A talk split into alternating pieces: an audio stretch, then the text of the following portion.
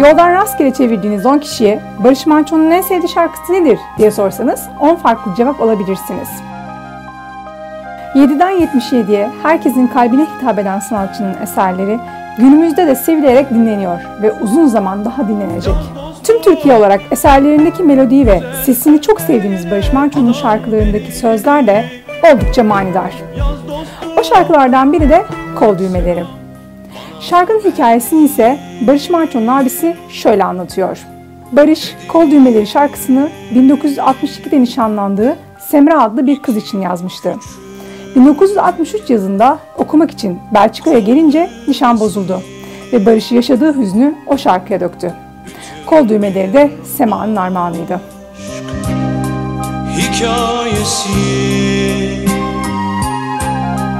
iki düğme iki ayrı koldan